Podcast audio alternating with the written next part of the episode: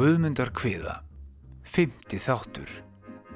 Ég heiti Guðmundur Ingi Þorvaldsson og er 45 ára gamal eiginmaður og fadir sem hefur búið lengstan part æfinar í Vestubæ Reykjavíkur. Og ég er að máta kenningar nútíma sálfræði um að áföll og sorgir geti erfst með sama hætti og útlitt, hæfileikar og húmor í alltaf sjö kynnslóðir við sjálfan mig og ættarsögu mína.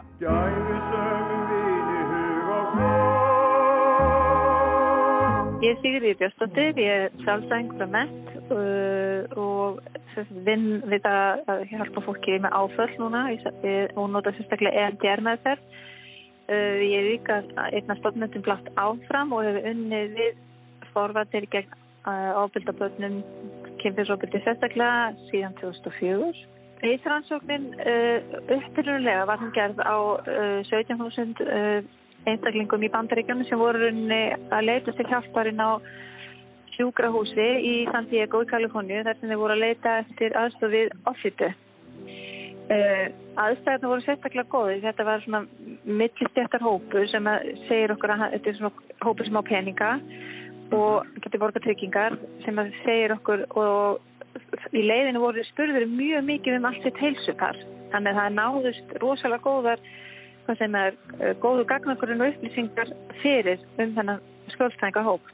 Þessi hópur er unni þekk hérna eitt spurningalista til viðbótar sem voru tíu spurningar um áföll í æsku.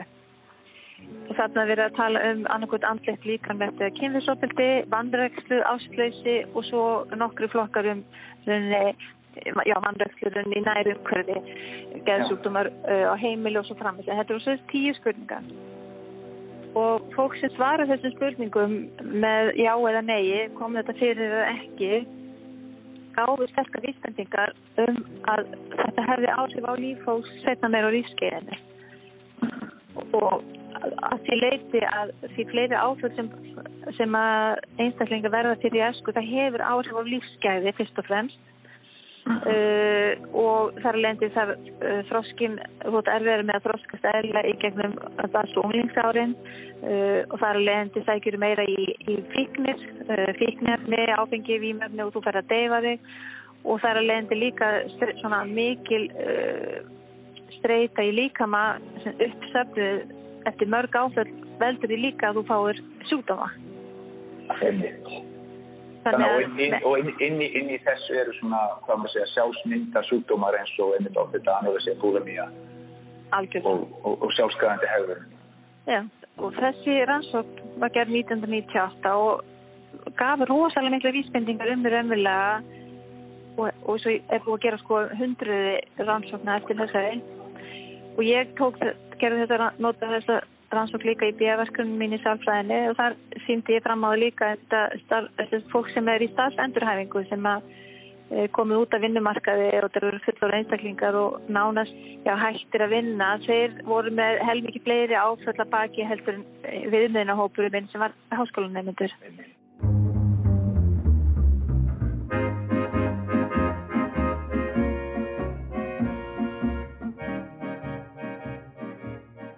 Ég byrð ykkur um að fylgja mér í huganum að þjórsá, sjá fyrir ykkur beljandi fljótið. Við bakkan stendur ung stúlka, rétt átjón ára, Helga Árnadóttir. Hún horfir yfir fljótið á hinnum bakkanum, þar eru þrýr menn á hestum sem þurfa að komast yfir ána. Hún gerir bát kláran til að fara yfir og sækja mennina, ferja þá yfir þjórsá og binda hestana við bátinn svo þeir syndi með yfir. Þjórsá er strömþung og vaðið við krók rétt ofan við fossin háfaða, svo lítið maður út af bregða til að allt fari ekki á vestaveg. Helga var ferjukona við Þjórsá. Fóreldrar hennar Árni Sigursson og Helga Jónsdóttir höfðu kynst í vinnumennsku á bænum Stóradal upp úr 1840. Þau giftu sig og mistu stúlku nýfætta 1843 en Helga Átnadóttir fættist 1846 og lifiði. Þá var móður hennar vel að merkja 45 ára, árni fadur hennar 29 ára. Fóreldra hennar hafði dreymt um að verða sjálfstæðir bændur og fengu ábúð á sælujörðin í Króki í Kálfholtsókn Sælujarðir var hægt að fá leiðar af kirkjunni fyrir lítið gegn því að sinna skildum í almannaþáu. Með króki kom skildan að ferja fólki við þjórsá. Árni, pappi Helgu, varð heilsu lítill fyrir aldur fram og hætti að geta synt ferjun. Helga Jónsdóttir, móðir Helgu, er þegar að Helga Árnadóttir er 18 ára orðin 63 ára og tekin að gamlast. Þá gekkin unga Helga fram fyrir sköldu og tókað sér ferjustarfið. Frekar hann að missa krók og fara aftur og þvælast um í vinnumennsku. Svo skemmtilega vil til að úr fórum Gunsa frænda og Grindavík sem leik stort hlutverk í öðrum þætti datt upp í fangið á mér viðtal við hana ömmu mína Dóru um það þegar að hún fór um krók og vaði við þjórsá sem ung kona með sískinum sínum á leið í sveitina um 1940. Ég byrð hlustendur að afsaka hljóðgæðin en mér finnst þetta bara í fyrsta lagi svo merkileg tilviljun að mér fannst þetta verða að vera hér. Auk þess sem þetta er eina munlega heimildin sem ég fann um ferðir yfir þetta vað. Og þetta var heilmikið ferð, ferja hægtana fyrst yfir hjá krókinn, halda í taumanna með að róið yfir og þeir syndu með þann ferjum. Þeir syndu með ferjum? Já. já, já. Og þeir, hafa alveg hlýtt í alveg? Já, það er bara vanið. Það er fyrst ég kom, ég sem myndi farið til bátinn. Það er svolítið bara með það og myndi skoða vatna. Jón Hannesson, bróðir ömmu laufiðar sem þessi þáttur er helgaður. Hérna í eftirmæli sem að þeir eru skrifuð eftir 1893. Nýlega er dáinn Árni Sigursson vatsveitingamadur með sinni miklu starfsemi og skarpskygni held ég sé óhætt að fullir það að hann hafi meira gagn unnið fústurjörðinni þótt ómentaður væri en e, launaður búhræðingur þessi maður þarna mm -hmm. fadir Helgu, mm -hmm. ömmu Já að hann fekk þetta viðurnefni að vera kallaður Varsveitu átni en svo bjóð hann um, sennilega síðustu búskapar árin á Króki mm -hmm. sem er við Þjórsá mm -hmm. og það fylgdi e, jörðinni krafa um að stunda ferjuna. En hann var eitthvað farin að helsu en Helga gekk fram fyrir skjöldin búðist þess að taka það að sér þá eitthvað réttnum tvítugt. Mm -hmm og hún var ferjumöður við Þjórsá og hvað lengi veit ég ekki en það er sennilega eina konan sem hefur stundar eh, ferjumöðsku við Þjórsá eh, alla tíð. Mm. Þetta líkar hennar geti hérna í borgfiskum æfiskrám þreg mikil dugnaðar kona. Já, já, já. Já, sko, ég fann eitthvað bref sem Amma Laufey hafi skrifað mm. um sögu Helgu Já. sem var mjög fallett og það kom með mitt líka fram að hún hefði sko Vósbúðin var svo mikil já. í þessu ferjustarfi já. að hún hafði ekki á klæðum fyrir nefti þrítugt. Já, já. Og hún verður ekki ólett af Ólöfu og Haldóri fyrir bara eftir færtugt. Hún er 45 ára. Hún er 45 ára, hún er 45 og 6 ára þegar hún á Haldór og, og mömmu. Og mömmu. Já. 45 og 6 ára. Já. Ef Vósbúðin þá var, mamma sagði frá því að einhvern tíma hefðu verið búin að vera að ferja uh, lengi dags og þá kom þar að kappmaður og sá þennan hvern mann standa í þessu og þá hefði hann sagt, sagði mamma mér, nú ferð þú inn Helga, hér tek ég við. Já. Því að það gekk svo yfir hann sko að þessi stúlka væri í þessu. Helga Jónsdóttir, móður Helgu Árnadóttur, deyir 1872 þegar Helga Árnadóttir er 26 ára. Eftir að átni missir heilsuna og hættir að búa verður hann, eins og Jón ömmubróður kom inn á, þekktur sem vassveitu árni. Hann hafði mikinn áhuga á vassveitum og breytti farvegum á á lækja fyrir ofan byggð með skóplu einni saman svo reynslið hentaði betur búskap í byggð. Merkilegt að hann skildi geta synt þessu hugðarefni sínu heilsulös. Þá höldum við yfir í fljótslíðina.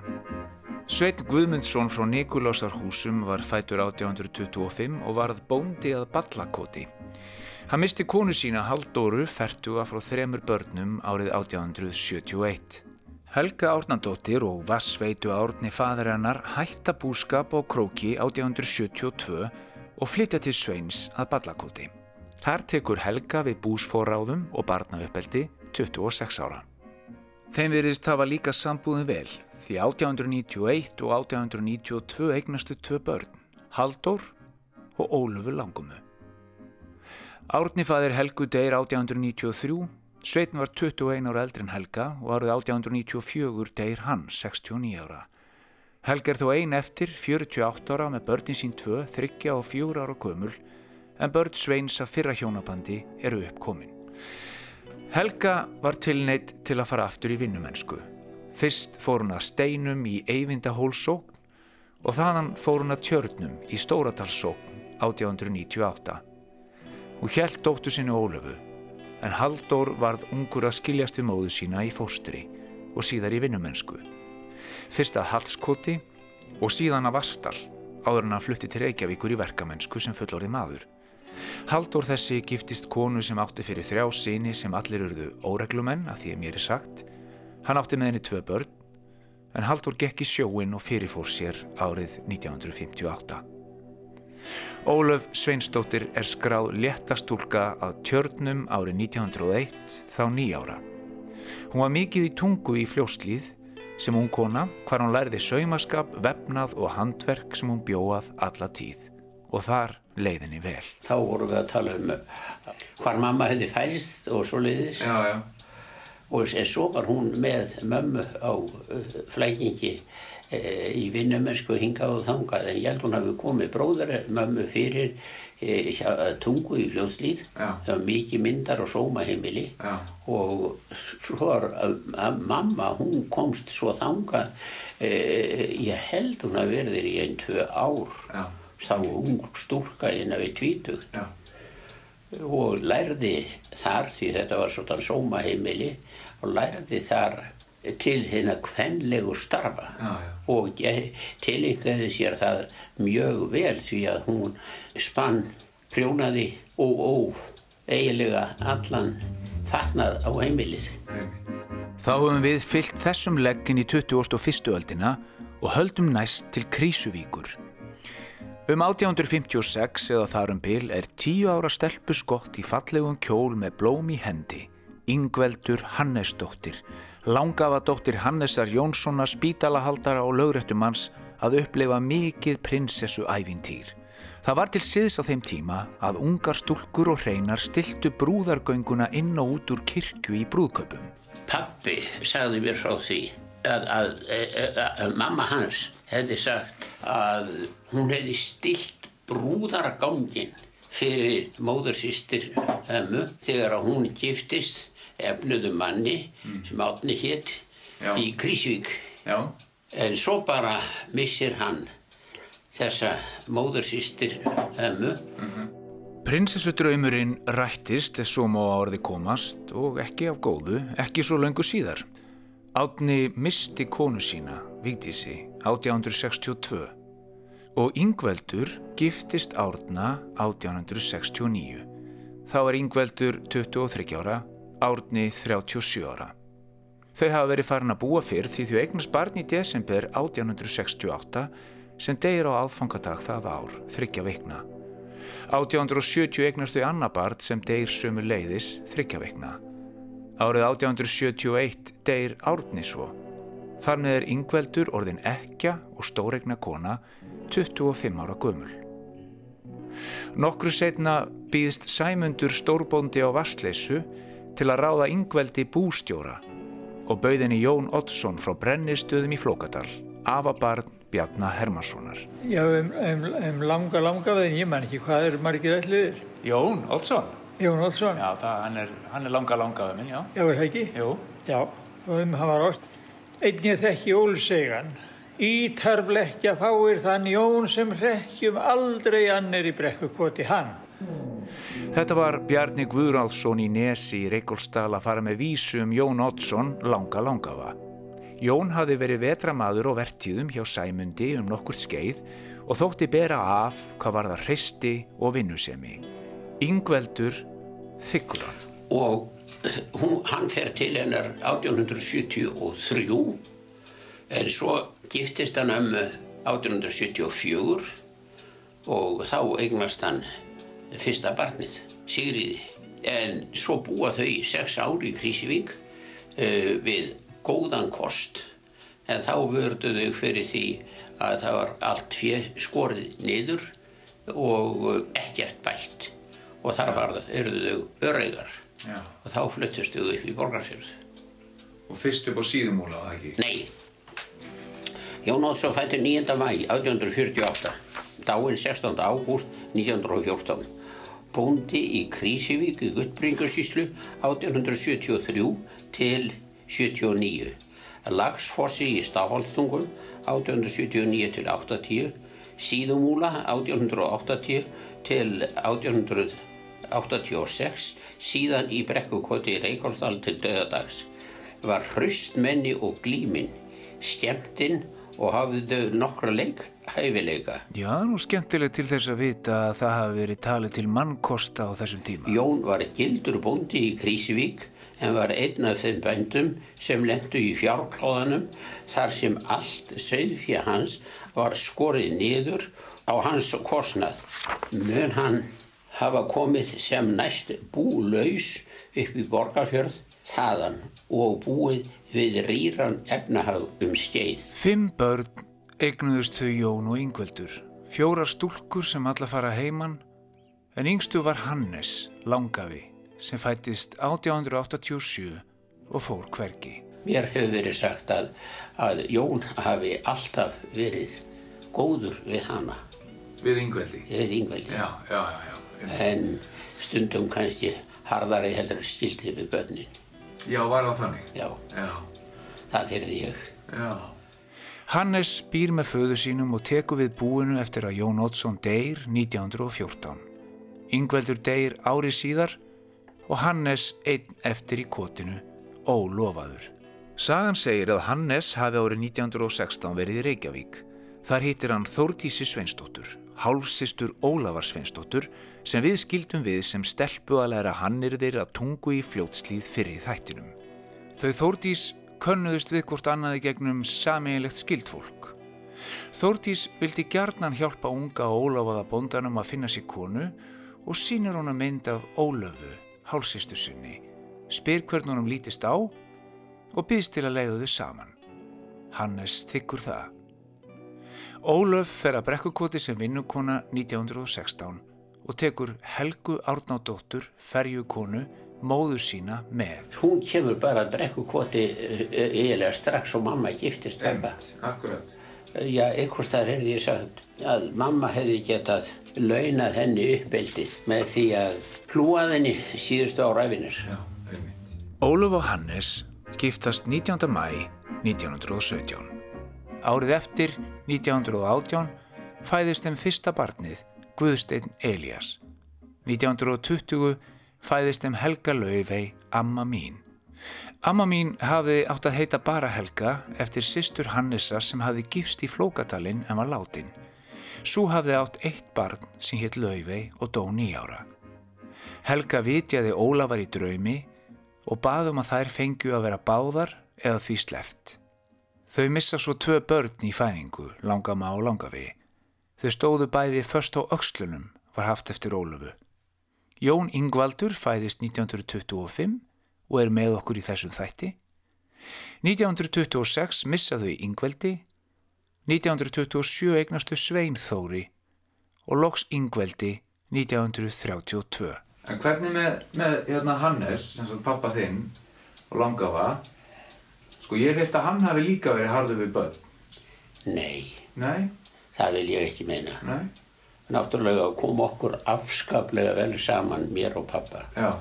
og uh, kannski hefur uh, hef ég stundum orði var við það að pappi heldi meira upp á mig heldur en já. bræður mína já, Ég hef heyrt það frá öðrum en Jóni að Hannes hafi þótt skapstór hrissingslegu við konu sína og lítið fyrir börn en glaðu við gesti Ingi Björg Inga móðusvistir Mamma sagði mig það og pappi líka hafa sagt mig það að hann var svo erfiður. Já. hann var náttúrulega líka veikur og bara komin á síðustu metrana í asma og svona. Mm -hmm. og einhverju svona ofnæmis eitthvað bara veikur hvort það verið hjartað eða hvað sko. En hún saði sko, það var þannig að hef, við hefðum farið. Já, já, við hefðum flutt í burtu mamma saði mig það líka. Hún saði hann var bara ekki hann var bara ekki góðu við ykkur Nei. En svo Ólöf, amma já. alveg sko þvílíkt góð manneskja hún kendi mann að lesa og hún Já. kendi mann að prjóna og var alltaf til staðar og alveg ótrúlega framsýn kona sko. Mm -hmm. en ég er bara tíu ára þegar hún degir sko. Já, já, einmitt.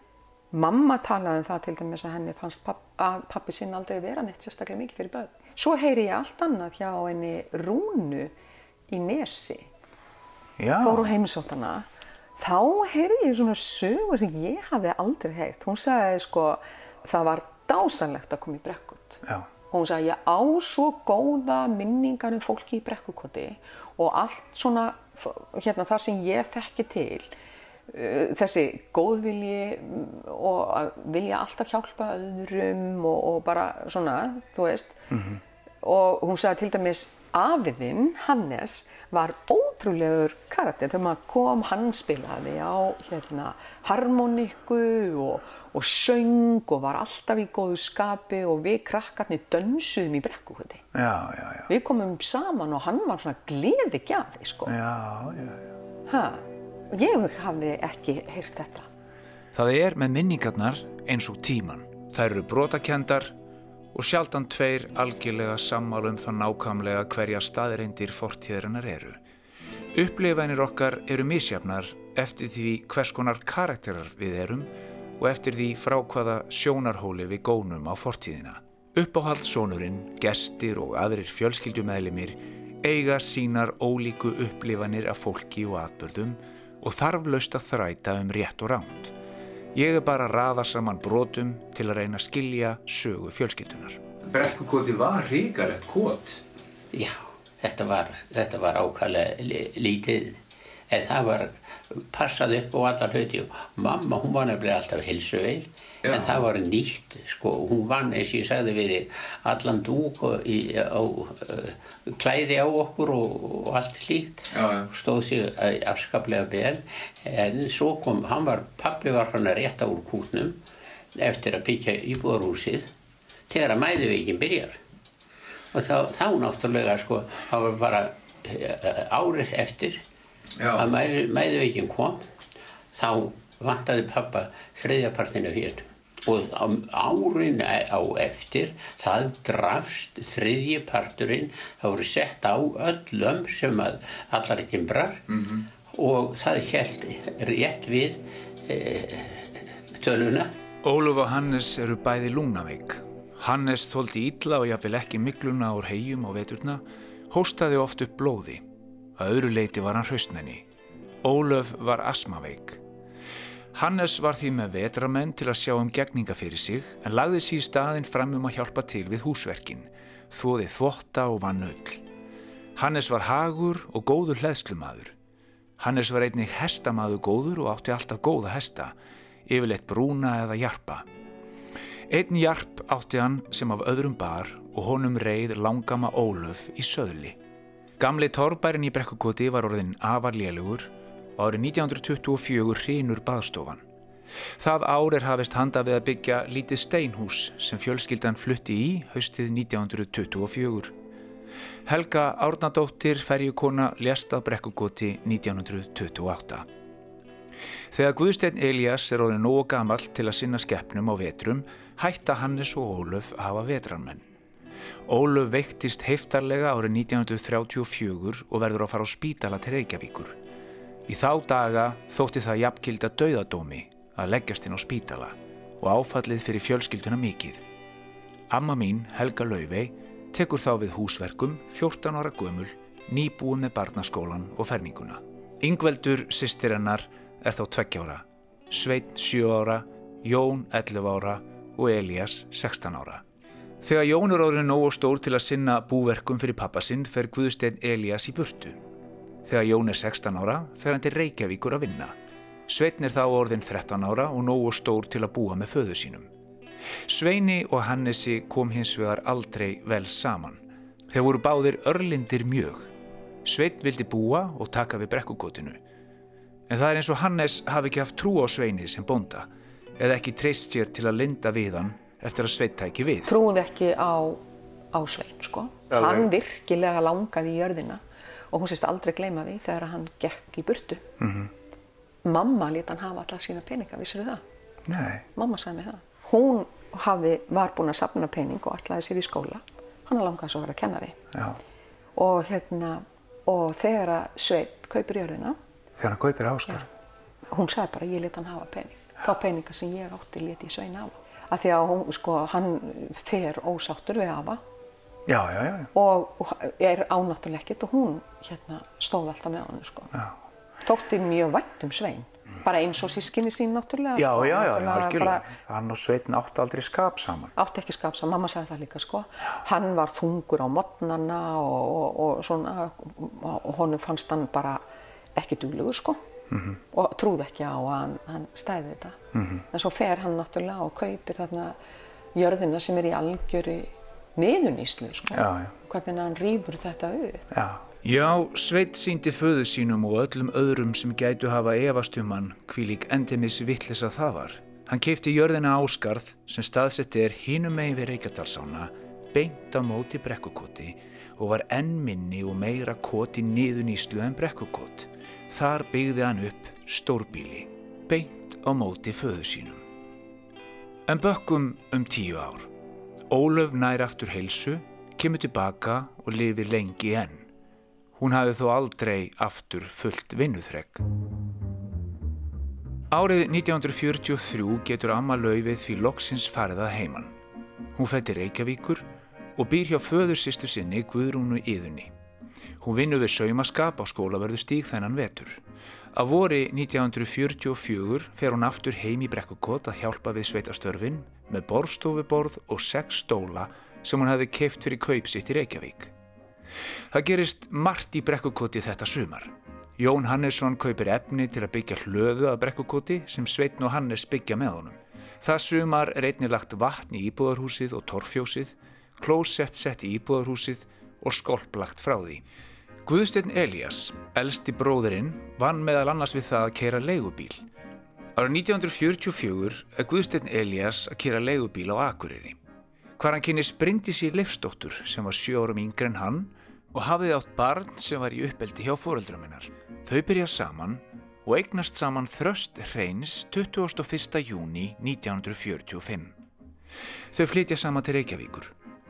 Samband þeirra gekk ekki upp Elias hafði keift íbúð fyrir litlu fjölskylduna en hann var kvennamaður og kom sér auk þess í skuld og um haustið 45 egur Jón Hannesson með þeim Eliasi og Bryndisi upp í brekkukott.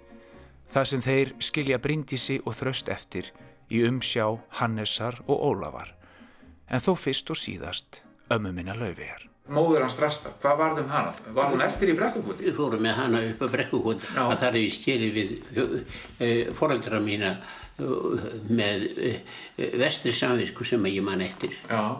Það var þegar við fórum með hana upp á brekkukoti og hann fór svo til Svíþjóðar. Þetta gekk ekki upp hjá honum og, og hann var eiginlega bara að, að flýja. Hann var, hann var, hafði gaman af hvern fólki. Það er, það er hins vegar rétt. Já. Þannig að hann var ekki við eina fjölina fældur? Nei. Nei. En, en varð Anna eftir í brekkukoti? Já. Og bjóð þar? Hún var eftir, sko þetta er um haustið. Já. En svo er hún framöndur áramót og hún, hún gæti ekki, hún gæti ekki gert eiginlega. Já. En þá ræður hún sig bara austur í stíðarskála. Í hverjadölum? Já. Já, já. Einmitt, þannig að hún er þarna í nokkra mánuði í brekkukoti? Já, þetta hún hafi ekki verið í eitthvað tvoða þrjá mánuði en þá gæti hún sko, hún gæti ekkert gert heima hún, hún, fyrir en, en þá gæti hún ráðið sig í, í, í, í vistustur í uh, hverjadali. Já, þannig að hún var bara ekkert heil á geði. Hún var ekki heil á geði, sko. Það, það, var, það var það sem var. Og hún hafði skilið eftir annar barn hefði á fóröldur sínum, eða ekki, fyrir norðan? Það var amerikanabarn. Hvað séu var það? Amerikanabarn. Já, já, já, einmitt. Já. Guðsteinn Elias fætti Noregs að læra sementskerð og þaðan til Svíþjóðar. Koma þrastar inn í líf ömmu laufiðar réði miklum það að hún fór ekki að heiman næstu árin. Hann var henni alla tíð sem sonur. Og ég hugsa bara með mig, byrju, hvar, hvar var Eliassinni? En þetta var nú bara svona þessum tíma. Já. Kallmenn hugsuðu ekki um börni, eða þú veist, það bara lés. Mamma sagði við mig, sko, amma Ólöf, hún er bara veik á þessum tíma. Já. Hún þjáist af miklu ónæmi og, hérna, og asma og er bara veik og hún er ekki í ástandi til að gera þetta. Og þetta lendir í rauninni bara á mömmu. Og alveg eins til dæmis bara Inga Frekka sagði mig það, ég leita algjörlega til laufiðar. 13 ára á millukar og ég minna að það er hún svo mikið til sem að leggur mér línu í uppeldi. Já. Árið 1946 flyttur Jón Hannesson alfari til Reykjavíkur. Þar kynist hann fljótlega verðandi konu sinni Elísu sem þá var einsta móðir með tvær dætur. Elísa var frá Vestmannegjum og hafði engan áhuga að bú í sveit. Jón, sem hafði þá þegar nokkra reynsla af því að vinna í Reykjavík og var séður með fjö, varð afhugað því eimdarbasli sem búskapurinn var. Þeir eru því tveir eftir á bænum, karlmennir Sveitn og Hannes, með Ólöfu, Laufeyju, Ingveldi og Þröst. Sumari 1950 ákveða þær sýstur Laufey og Ingveldur að fara á dansleiki í hreðavatni. Laufey var þá 30 og Ingveldur 18 ára.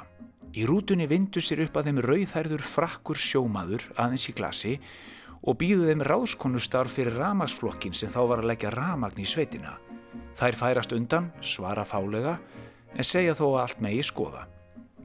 Rútan hefur þó líklega verið full af sveitungum þeirra, en líka einum 30 ungum utansveitamönnum úr ramagsflokknum, vel í klasi, svo spennan hefur verið mikil. Engar sögur fara af dansleiknum sjálfum, en daginn eftir mæta á hlaði í brekkukoti tveir guðmundar. Annar var rauðhæði maðurinn úr rútunni og hinn var verkstjóri ramagsflokksins. Verkstjórin heldur því fram að þær sýstur hafi lofað því að taka sér ráðskonustarfið. Yngveldur vildi ekki fara, en það eins 18 ára, þannig að það verður úr að amma mín Laufey fer. Þetta sumar byrja þau afi Guðmundur og amma Laufey að draga sér saman. Hlutirnir gerðust frekar hratt af því ég virðist. Hann er 29 ára, hún 30 og ekki eftir neina býða. Þau eruðu ástfangin, afi að þjena fínt og amma tilbúin í nýtt ævintýri eftir að hafa látið foreldra sína og sískinni ganga fyrir fram að þessu. En Guðmundur og Laufey trúlega sig strax haustið 1951 undir brekkunni í brekkukúti. Ára 1952 hefja Guðmundur og Laufey búskap sinn að Suðugötu 121 á Akranesi. Þröstur Eliasson, fóstursson og Laufeyjar fylgið þeim fljótlega á skagan og gengur þar í skóla. Húsið að Suðugötu 121 stóð á gömlu Melkottslóðinni. Þau Guðjón og Ingibjörg höfðu selt lóðina svo byggja mætti verkamannabústaði á hlutinnar og hlutalóðirnar kifti vestlun Einars Ólasonar og nýttundi bílastæði. Þau kiftu húsið í félagi við sinni sína Sigurjón og Guðmund. Yngveldur sýsti Laufeyjar kemur til þeirra til að vinna í fiskvinnslu. Hún er þá 19 ára, hávaksinn og glæsileg. Hún fellur nær samstundis fyrir hákóni Hólm Leifsinni, ungum dalamanni sem bara afsakir hreisti og glæsileika. Þau hefja saman búskap á Akranesi og strax árið 1952 fæðist þeim fyrsti sonurinn, Hannes. Þau byggja sér síðan bæ að Galtalæk og hefja þar búskap. Afi Guðmundur lætu smíða fyrir sér trillu í félagi við Sigurbjörn félaga sinn. Hann var fyrverandi skipstjóri en fljótlega kom hann til afa og saðist vilja selja því hann tristi sér ekki til að vinna á mótunum. Hann átti ekki róði hann. Þá kifti Ólafur Fimboðsson sem alltaf var kallaðu Dalli hlut Sigurbjörns. Á Akranesi gekk lífið út á sjóin. Amma Laufey og afi Guðmundur giftu sig á jóladag 1952 í Brekkukoti. Amma Laufey misti fóstur áður en þið eignuðu sitt fyrsta barn, Ólöfu móðu mína, 4. ágúst 1954. En þegar þarna er komið við sögu, eru öll börnin farin að heiman í Brekkukoti og ófremdar ástand þar á heilsulösum gamalmennunum Ólöfu og Hannesi. Eftirfærandi bref skrifar Ólöf amma Laufeyju dóttusinni. Í brefinu talar hún um eigið heilsufar sem er hörlegt, hörkuna í Hannesi kakvartenni, spyr ömmu Laufey og afa Guðmund hvort þau geti hugsa sér að taka við þegar að Ingibjörg Langama, móðir Guðmundar afa, deyr, en hún var þarna orðið mjög veik af krabba. Á þessu brefi er líka ljóst að Ingiríður frænka, sem Ólöf amma nefnir Ingu í brefinu, hefur bóðið þeim að flytjast nér á skaga og búa á loftunni hjá sér. Það var tómt því Guðrún Blinda sem hafði búið þar dó 1953. Brekkukott 1. apríl 1955 Elsku laufi mín, blessuð og sæl. Herðelska mín, heldur þú að nokkru myndið að breyta með ykkur hjónin að koma hingað þegar yfir líkur hjá Yngibjörgu sem sennilega er ekki orðið svo íkja langt að býða eftir líkum að dæma ef svo væri væri sjálfsagt að reyna að býða. Ég fór til Þóriðar í dag að sækja mér á astmaglasi mitt og þá hlustaði hann á mig og saði mér að hjarta var í miklu ólægi. En það vissi ég það og skaffaði hann mér stort glas sem ég á nota í tíu daga og koma svo aftur. Já, elsku laufi mín en nú er ég búin að taka þá ákverðin að nota það ekki. Því þetta er Guðs vilji að hjarta er að gefast upp og þá stittist í að Guð minn bæn heyri mig því ekkert þrá ég heitar en að fá að deyja. Og vona ég að Guð í Jésu nafni veiti mér viðtökur í sinn blessaða náðarfaðum. Það var núna í vikunni að pappiðinn hastaði orði en það gekk víst nokkur nærri mér. Ég var að skera brauð og ég misti hálgert vald á nýpnum kólnaði, fekk votta kvelli og tók eftir að vinstri hendin var blá. Um kvöldi var ég að prjóna, þá fekk ég eitthvað í fæturna og leið yfir mig. Mér fannst ég alltaf líða út af. Ég hætti að prjóna og komst í rúmið og vissi ekki meira fyrir en senkt um nóttina og er ég alltaf að verða slappari síðan. Skilaðu innilega hverju til ynguminnar með innilegu þakklæti fyrir brefið. Ég byrð Guð að launa henni sitt elskulega bóð og var ég sjálf tilbúin þess þó það væri strax. En hvernig þetta verður veit engin ennþá. Guð minn og Jésu Kristur hjálp okkur öllum. Já, Guð sé lof og henni þakkir að meiga eiga skjól hjá henni. Ég byrð hjartanlega að heilsa öllum hjá þér og þú átt að kissa elsku þröst og lillu nöfnu. Ég byrð Guð að blessa ykkur öll. Einni byrði Guð að lina þjáningar yngi bjargar og leggja mildar hendur yfir hana. Vertu blessu og sæl, elsku laufi mín, líði þér alltaf sem allra best og mikið betur en ég fæ beðið. Það er mín hjartans bæn í Jésu nafni, þín, elskandi móðir, Ólöf Sveinstóttir. Í april 1955 deyr svo Ingi Björg gamla. Henni var meinýtla við nýbyggt fjórðunsjúkrahúsið á Akranesi og neytaði að fara Saða að ef Hallgrími Pjórsson læknir gæti ekki lækna sig heima hjá sér, þá fær hún ekki neitt. Þangað neittust hún þó loks til að fara 14. april 1955. Hún hjælt í skap sitt og stolt, gekk upp á sjúkrahús, neytaði að stígin í liftu í fyrsta sinu æfinni og gekk upp stigana upp á þriðjuhæð. Hún var það rúman sólarhing áður nú lérst 16. april 1955. 1955 fæðist um Guðmundu og Laufeyju önnur dóttir sem hlaut nafnið Yngibjörg Inga. Þröstur lýsir því sem svo að á þessum árum á skaganum hafi þeir bræður Guðmundur og Sigurjón unnið gríðalega og lítið verið heima. Þeir hafi báðir fengið sér oft í glas en hann man ekki eftir vandraðum í kringum vín. Það var bara unnið því sem næst út í eitt og í landlegum var spilað spjallað og drukkið. Eftir að Sveit gefst upp á sambúðinu við föðusin og flytur í áskarð er algjört ófremdar ástand í brekkukúti og reyndir að leia jörðina með því skilir því að Óluf og Hannes fá að vera þar áfram. Elsku laufey mín, hjartanlega þakka ég þér sendinguna og brefið í dag. Nú er búið að tryggja jörðin okkar laufey mín til þryggja ára og er það guðlaugur sem var að koma um daginn. Þetta gerðist í kvöld og við megum vera, kýrnar eru þar með orðnar fjórar og tólf ær. Og það er leikt fyrir fjögur þúsund krónur, en hitt allar Hannes að hafa fíinu. Svo nú verður að fara að rúta til og koma sér fyrir með öðru snið en hefur verið. Það verður vist komið bara næstu daga. Blessuð elskan mín, pappið þinn byður ykkur að senda ekki meiri fisk því við höfum svo mikið af honum. Erum farin að herða og borða í allan mat. Alltaf svo hætt við að hann skemmist. Blessuð Ólef Sveinstóttir.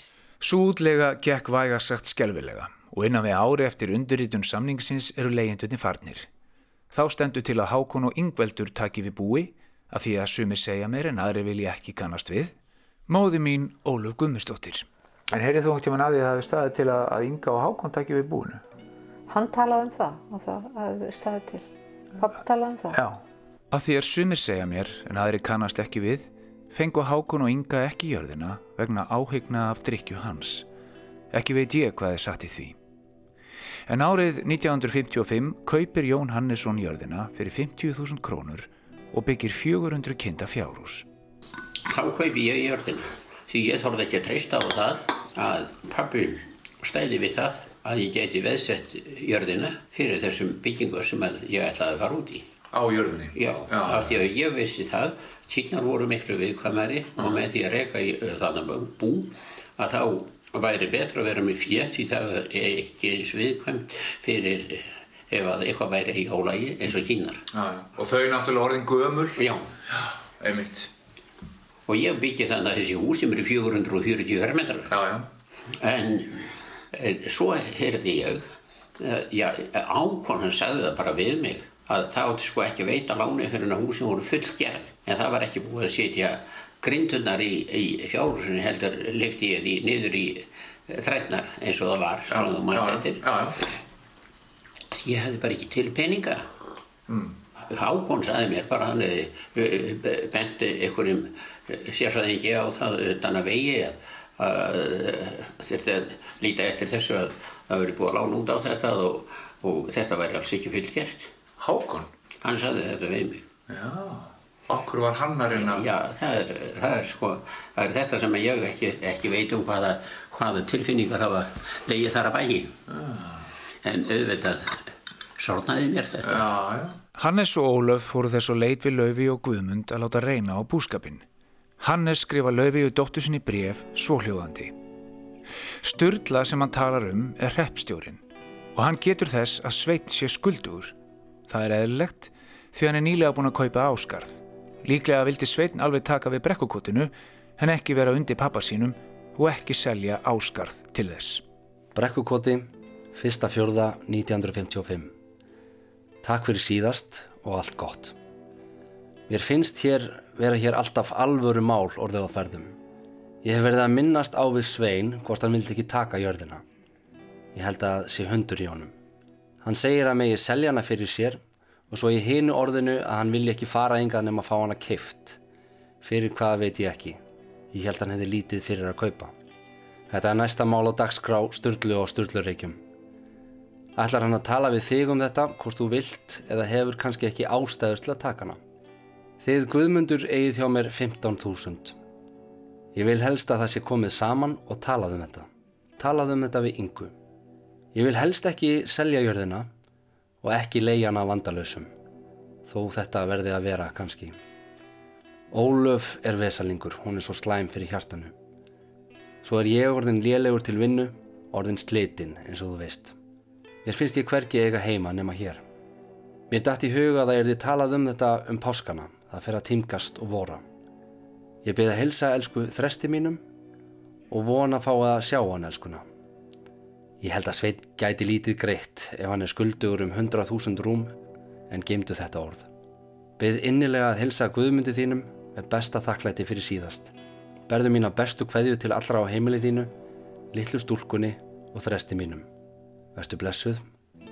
Guð verndi því bráð og lengt þess óskar þinn kæri fadir. Hannes. Ef til vill hafa öll þessi bref, því þau eru mjög fleiri en eru lesin hér og þessar þrábænir haft áhrif á ömmu. Kanski langaði henni í grunninn að fara aftur upp í sveit, en kannski var aðal ástæðan svo að hún setti alltaf hagsmunni annara og þá sérlega þeirra sem henni þótti væntum ofar sínum eigin. Um það er ekki gott að segja. Um þetta og svo margt fleira hefði ég vilja spyrja hana. Ég var 15 ára þegar hún dó og hreinlega hafði ekki þroska til þess. En hún ferður svo leit við Guðmund mannsinn að þau taki sig upp og fari í brekkukot í áriða tvö og aðtugi hvort þau kunni við sig í búskap. Guðmundur hafði þá aldrei unnið í sveit. Hann ráðfærið sig við nokkra vínum sínum á skaganum sem allir töldu þessa hugmynd fráleita. En konan sem hann hlustaði alla tíð hvað mest á, yngir íður móðusistir hans, ráðlaði hann um að fara. Sagði að það var ekki skemmtilegt að eldast sem sjómaður og gott væri að vera sjálfsins herra í sveit. Henni hafði ennfremu dreymt fyrir því að þetta væri heitla spór. Guðmundur fyrir heim og segi við konu sína að hann sé tilbúin en annarkvort kaupa hann kotið eða hann far ekki neitt. Hann gæti ekki hugsa sér að vera undir aðra settur. Lauvi setur hún um eitt skiliði að setja tapan í flöskuna, annar gangi ekki sveit. Hann gengstu því. Það varður úr að Lauvi og Guðmundur selja allt sitt á skaganum og kaupa jörðina af Jóni. En sannleikurinn er sá að ég seldi þeim jörðina fyrir það sem að það kostiði að byggja húsin mm. og ég keipti hana fyrir mínus 50.000 krónur. Mínus 50.000? Já, ég tapaði á jörðinni 50.000 krónum og svo tapaði ég vel á búskapnum og meira gannar. Þetta er sannleikur. Já, af hverju seldur þeim hana svona ódýrt? Já, ég, maður það ekki, þetta er bara, það sem, ég, það sem var í mínum huga, það var bara að pappa og mamma fengi verða. Já, já, ég skilði. Og ég hugsa nú, er það eitthvað stuðist við, sko, jarðaverð eða eitthvað svolítið, alls mann ég það ekki. Já, já. En ég maður það er búið víst, sko, ég tapaði 50.000 krónum og rekstra tapina á meðan ég ræði jörðinu. Þú rækst það einhver tvö ár, var það ekki? Já, tvö ár. Eitt var þó ljón í veginum. Á þessum tíma var enn síður að repsnemnd þyrst að samþykja jarðakaup og hafði rétt til að neyta kaupum ef sínt þætti að menn var ekki bógar til að reyka bú. Jáfnveld þótt lauvei væri borin og bartfætt í brekkukúti þurfti að fara fyrir repsnemnd hvort sjómaðurinn Guðmundur Guðjónsson væri efni í búnda. Afi Guðmundur vildi meina að svo atkvaða greiðsla hafi farið þrjú tvö honum í vil og að afi minn Þórir, sem þá var oddviti hrersnettar, hafi greitt atkvaði gegn honum. Hún sveið það alla tíð að tveir hrersnetamenn hefðu mæls gegn því að hann tæki við búinu. Alla tíð bar hann kala til þingiengana í föðufjölskylduminni 1957 þegar ég kom, Já. það er eitthvað mest í sljóavöldur sem hefur komið. Já og það, það var í sex vekur lorðan, svona síðumúla læðingur og skóf alltaf fram að brekkunni það var alltaf fjósikvarf gamla já, já. Ég var ógræð tíma að móka það kondi líka komið still til að mjölka bellinar það fór í mótni hverju veilast á mótni var ég tvo tíma að móka til að komast að hlöðulu og inn í fjósið. Svona var þetta, ég held að þetta að vera svona. Ég, ég þekkti ekki tala, ég veist ekki hvernig þetta að vera í sveit maður. Beist og beist næsta vettur fyrir snjórin hvað er snjórin? ég held bara að þetta að vera svona. Hvað var ég að móka? já, klára að móka sko þá. Já Það var hæsla komið allar til í brekkundi þegar ég kom. það var nú ekki hæslihjólum, ég hef ekki viljað eiga hæslihjólum. Ég sá hann ekki fyrir nú vorið. Lóksins komst Ólafur um vorið. Það vissu komst inn og ekki hæsla koma. Hvenna komst þau fyrir um haust? 57 um haustið. Já, þá byrjaði byrja bara að sjá veturinn. Bara veturinn maður í þessu alveg fullu. Með óbílandi vinnuþreki og útsjónasemi breyttu Amma Laufey og Afi Guðmundur brekkukotinu í stórbíli. Og þótt að hafi oft verið skjálfilegt bastl, þá voru þau heilt yfir ánægð, samstíga, börnum sínum og börnum sem voru hjá þeim góð og bygguð þar bæði til döiðadags. Það segir margt um þau hjónin, að þau voru með alla fóreldra sína inn á sér til döiðadags ég var ekki halva, halva vill á móti konluvinni ég, ég skal veðurkjana það hvað sem ég er. Já alveg heglust, það var ekkert lítil vinna sem hún uh, afkastaði maður. Hún var alltaf síðust í rúmi já, já, og fyrsta fætur. Og fyrsta fætur með, alveg, alveg sko blessaði góð það var bara trældóm og kjása konun það var fyrir svo kallandur undir hotni og klóraði sér púnum. Við varum lokkum uh, íslenska konan hefur verið algjör þræll alla tíð. Já Er ekki dásamlegt að heyra þess að tvo gömlu sjómenn frá Akranessi og Suðuregi í færium tala um hverjéttindi og virðingu fyrir konum? Ertu komin í sveitina? eins og mína stöppur þar voru lilla þar voru sér í brekkunni Já. og komaðu sko inn alveg hreint með buksunar eins og sílunganett og mín krummi Þeir eru allir að klappa með núna og klappa sér á hann Já. og segir við erum stælt í Bjarkalundi að þú getur ekki komið á mót okkur Jújú, jú, allt í ég sendi bara auðjón og jættanum. Það var lítið kaffi í því. Það er fyrstið april. Já, já. Já, þetta var 1. april 1988. Þá kom Óli Reynis sem var mörg sumur í sveit í Brekkokoti með videokameru og alla fjölskylduna í sveitina og fangaði dýrmætar minningar því haustið eftir var það mamma mín bráðkvöld. Hún fór því miður frá okkur allt of ung, 68 ára, fekk hjarta áfall. Veikleiki í hjarta er í ættinni. Sveit bróður hennar fór 60, Guðstein Elias 57 ára. En þrjú barnabörn og barnabarnabörn hafa verið skýrð í höfuða á henni og arfur hennar lifir í okkur. Hún átti engan sinn líkan þegar komað hjartagæsku og stuðningi við alla í kringum sig. Ósala vel gefin. Svakalega vel gefin. Hún hefði átt betur skilið eitthvað. Henni langar til að vera kennari. Já, hún sagði það. Svo ég er alltaf að hugsa það sko. Sjáðu hvernig það er. Yngar kennari, Guðarnu kennari og Lóa á jörðinni. Já, já. Ég veit ekki, hún horfði ábyggið ekki geta að hugsa þetta betra. Alveg örglega ekki. Nei. Allt komið fram sem hún vildi. Já. En hér verði ég að láta staða numiða sinni. Ég er búin að vera með þessa þætti í maganum í átta ár. Þetta er búið að vera magnað og heilandi ferðalag og ég vil þakka öllum sem hafa veitt með viðtal, bæði þeim sem komið fram í þáttunum og eins þeim sem veittu með viðtal en vildu ekki koma fram undir nafni. Ef ég særði einhvern byrst ég afsökunar á því. Það var aldrei ætlunin. Ef þessi þættir hafa orðið einhverjum kvartning til sjálfsvinnu og sögurskoðunar er tilgangnum náð. Það er hverju manni mikilvægt að þekkja forna áa til að botna í sjálfum sér.